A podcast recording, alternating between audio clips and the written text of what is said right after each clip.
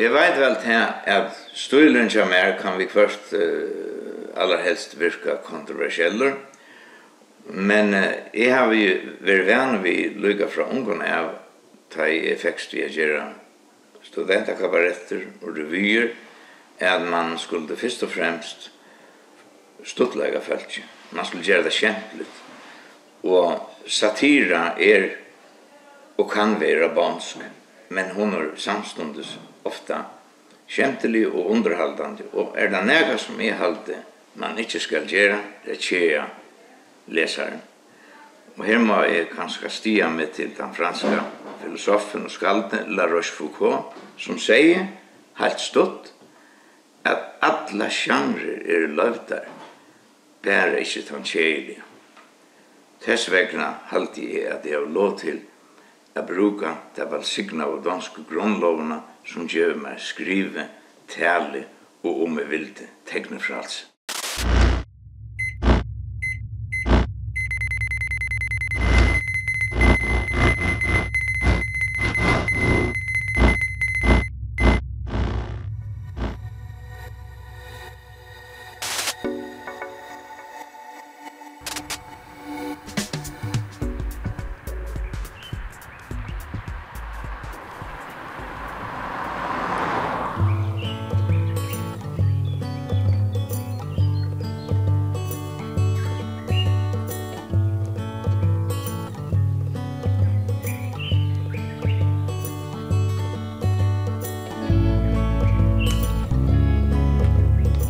Jeg sitter her ute en um, mai morgon.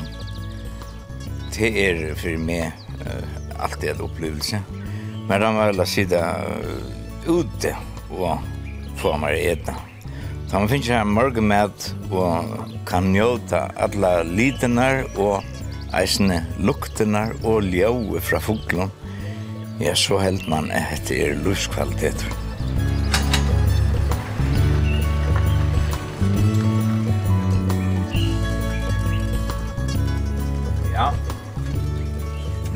Det er ikke noe av oss for det, ja. Det er det ikke. Men... Man ser her så her fantastisk å fantastiske havanar. Man får så ringa samvisk til at... Den har man selv hever han. Han tror ikke til avbøter alle sånne tøyene. Det er ikke bøyligt å få en hava sånn sånn ut som, som, som det er i ideen ut. Bestemt ikke. Men man hever ikke veldig. Jeg lukker vissa ideella föreningar som omgång vill influera. Klar är sig för lunch i den och till fem. Fem. Föreningar samvete, vet jag.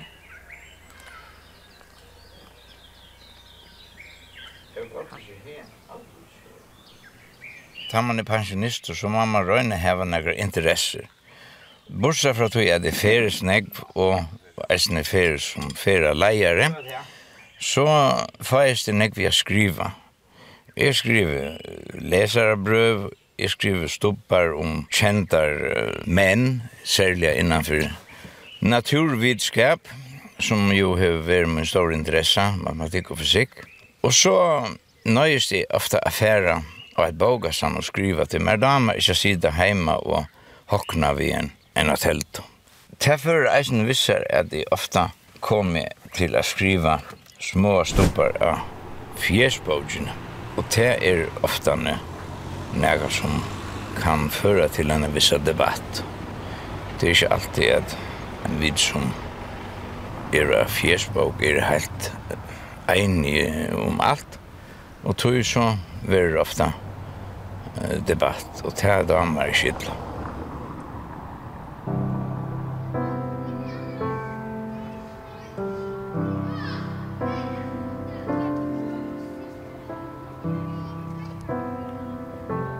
St. Bens kyrkje her i Ringsted og Roskilde Domkyrkje. Der får i gang nøglund om som tog. Men det var såleis at Valdemarane som så det her i Ringsted, der visste ikke av at Absalon, som sædde Roskilde og i København, han hei ikke fortalt dem om ordelige dimensjoner av Roskilde domkyrkje. Det visste seg at det var kommet nok så lengt av hvis vi var kyrkjen at ta var kyrkjen i Roskilde 9 meter langere enn hentan i Ringsted. Og det gjør det så til at at Valdemarene så det her ved en kyrkje som var minne enn tann i Roskilde, og så fikk hun eisen minne tøytning. Det er atle av å gjøre Ringsted til høvested i landet. Det lukkast ikke. Regina Dagmar Prima, Uxur Valdemar Sekundi. Og her Valdemar Sekundus, legislator utan åren. Han var jo lovgjevar, han, han gav mellan anna Jyske lov, 1941. Og så har vi her Regina Berengara, Berengera Uxur Valdemar Sekundi. Hon var settna kona hans her, og var ur Portugal. Der fleste føringar har allar helst hørt om Dagmar. Det var kvøy ofta av gulvet, at ut i Ringsted hviler dronning Dagmar, og det gjør hun sannelig eisen, hun ligger her.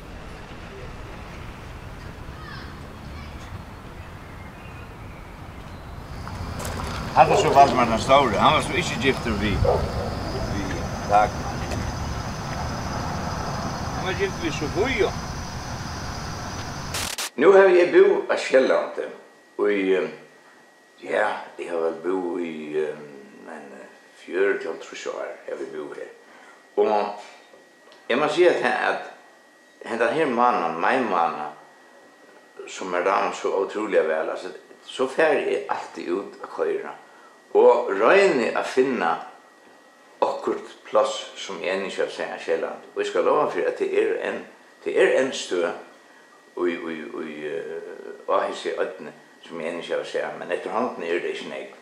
Men rama grulig vel där små idylliske bygdene uh, av Sjælandi og og er harme til folk som koma til Københavnar til dømes mina landsmenn som koma til Københavnar og halda Danmark i København. Jeg vil si at ta danska landslei vinner nek meira vi er man fyrir ut om det man kallar for Valbybakke og dum utgjæren i København og kjem om man hier og heter Søvn i Øtjen, vi Såre og, og Ringsted og Køke, etla for vestrettur, bæra minnes til at det er de små og støyen som man nu kallar for judgjæren, som er de mest fagre og ofte de som har mest an kultur og søvn.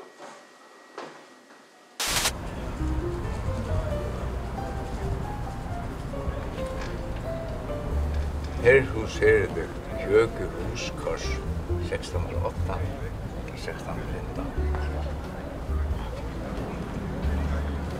Køketorv er kjent om alt landet for å være det største torget som er utanfor København. Det er bare rådsplass i København som har som lykke her. Men eh, hetta torv hever en av dæbra søv og eisne.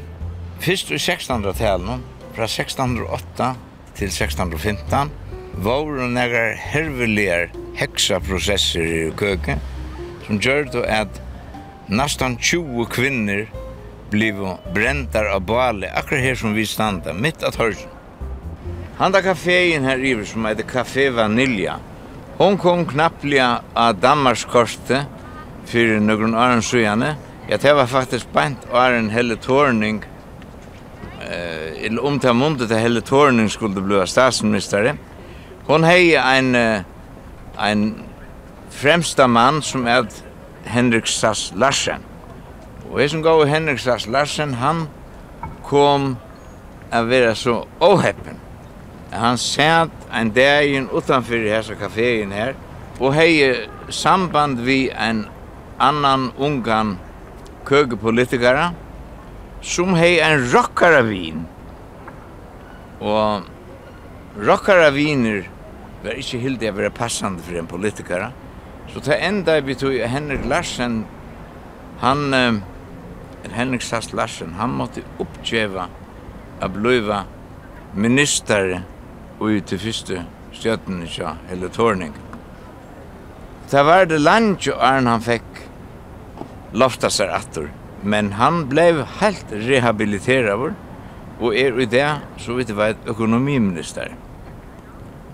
Nu är det så läs at eh, politiska vidskifte är eisen en parter av tilværende. Så mer är huvudpolitiker alltid være en pastor, men avgjørst ikke öll tilværende.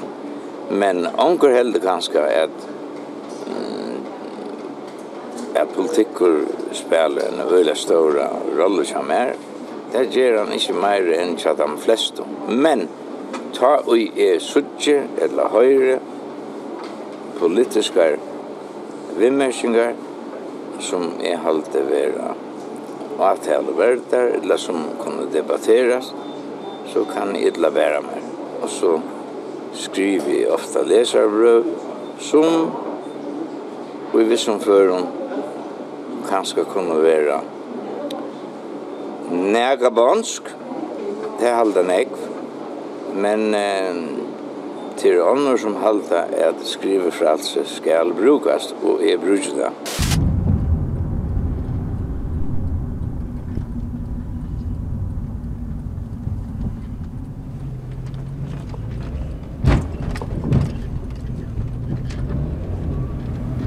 er jo ved av vidtja til yngste døtterna, Gunnbør, som bor ute av Esterbrygg. Og hon hever tvær døtter, til færja vidja nu. Sættne færja i fyrrehuset, og her vant jeg suttja en æra døtter. En jeg vant. Jeg er i Stockholmsgade nu, og vi går over mot deg nu, Så vi er der vel om, om, om to-tre minutter på hjørnet. Hallo? Okay, fint.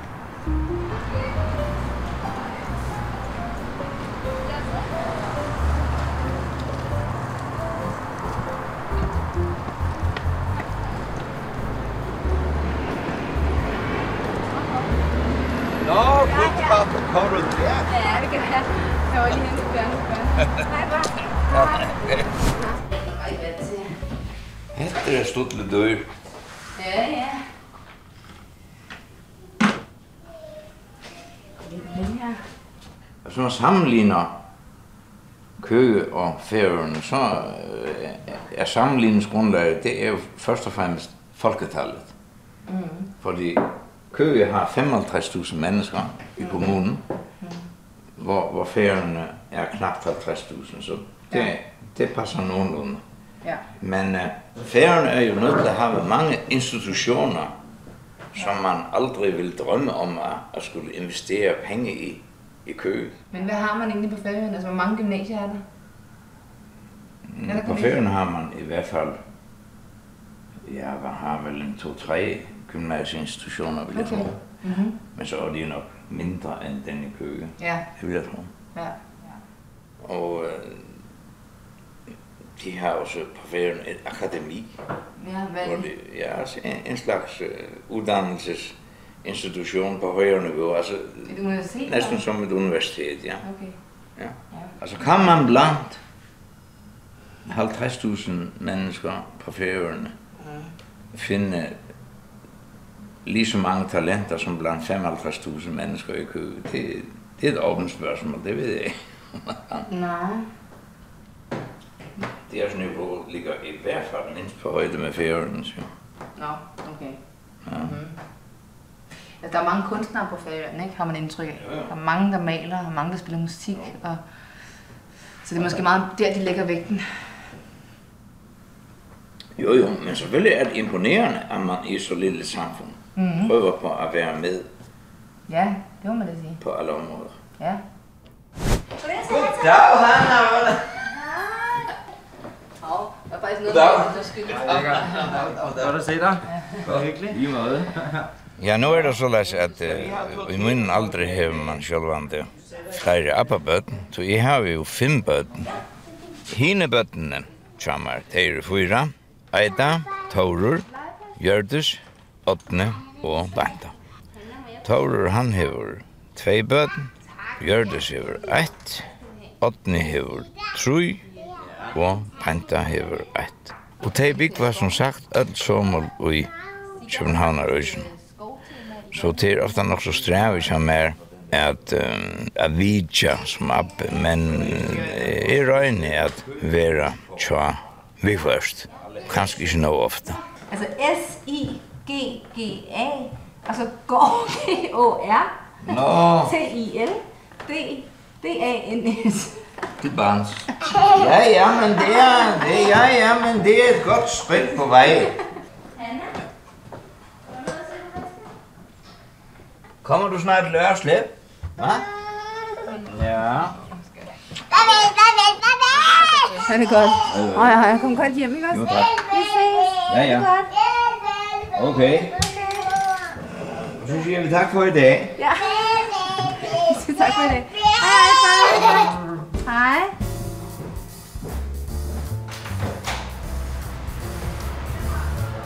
Ja.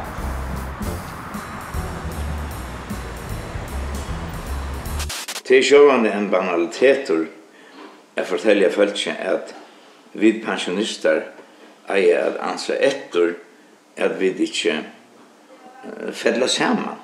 At vi får alle tøyna nytt inntrykk, vi får nytt input og ikke henga ut som eier rutina.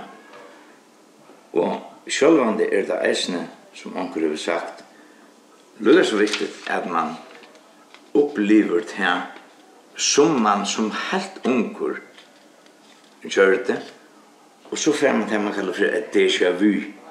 Man opplever ena fra nudjon. Det vil si man skal bæge oppleva attor, det som man lät seg avvirka av, og oppleva nytt.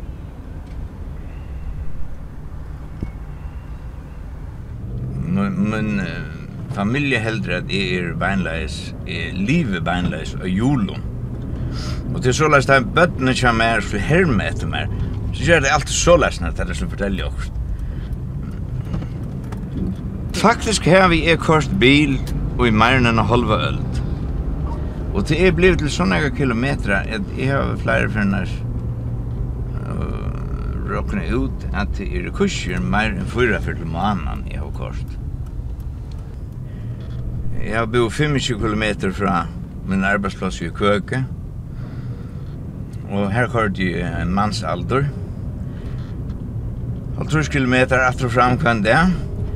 Men så har jeg nek vært i København, og fra mer til København til i trus kilometer. Så det ble alltid til nok så nekva kilometer, bare tannkøring. Så har vi her og fram kort utrolig nekk rundt om i Europa. Jeg har gått til Tyskland, Frankrike, Østerrike og andre stedene. Så det var hyllnast vel ved munnen kilometer.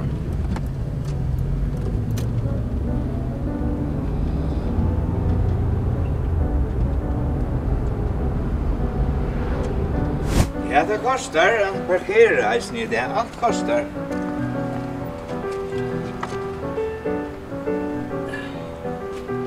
så är det.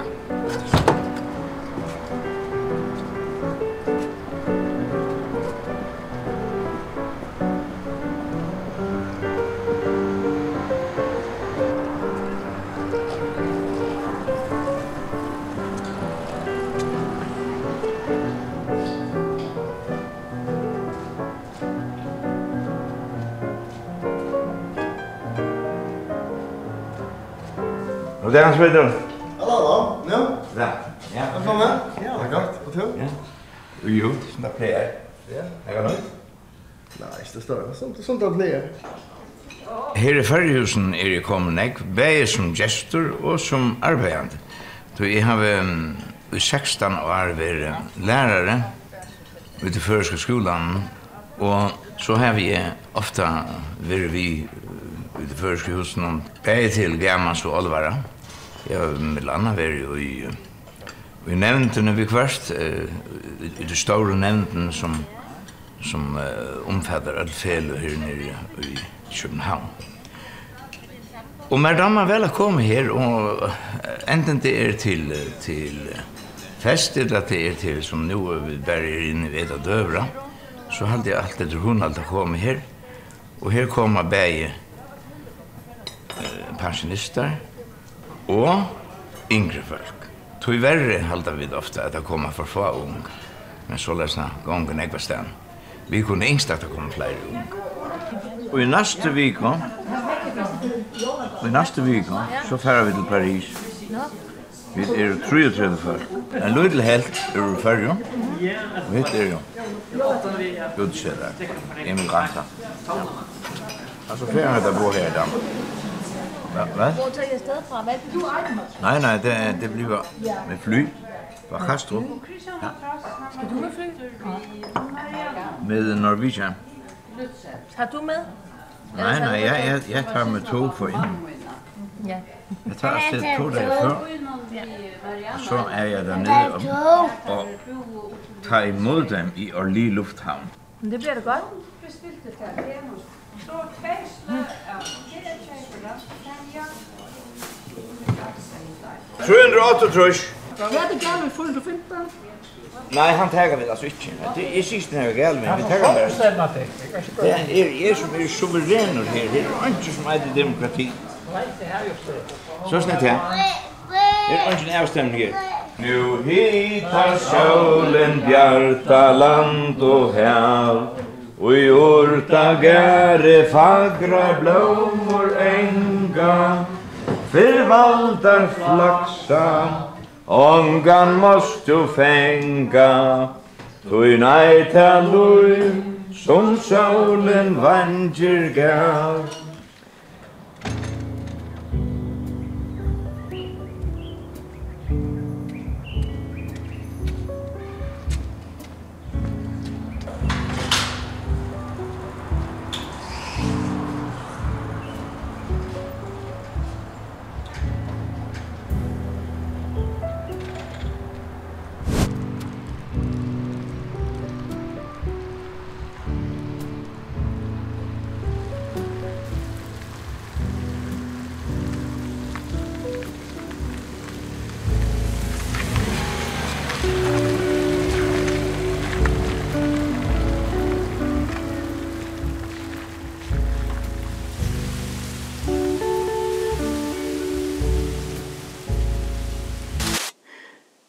er ein dævur som er vi er vera lodgen.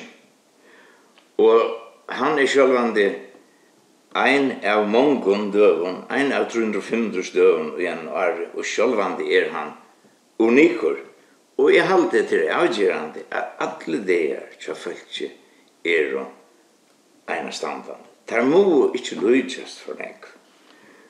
Tui at vi mennesker hava som nekva oppleve av hese herlige planet vi byggva. Løyvi er stutt. Tøy meini er at vi skulle njóta til vi kunne, men vi er her av folkdom. Jeg er, utan a blikkvast, epikureare. Og det er stort sagt en livsnjótare.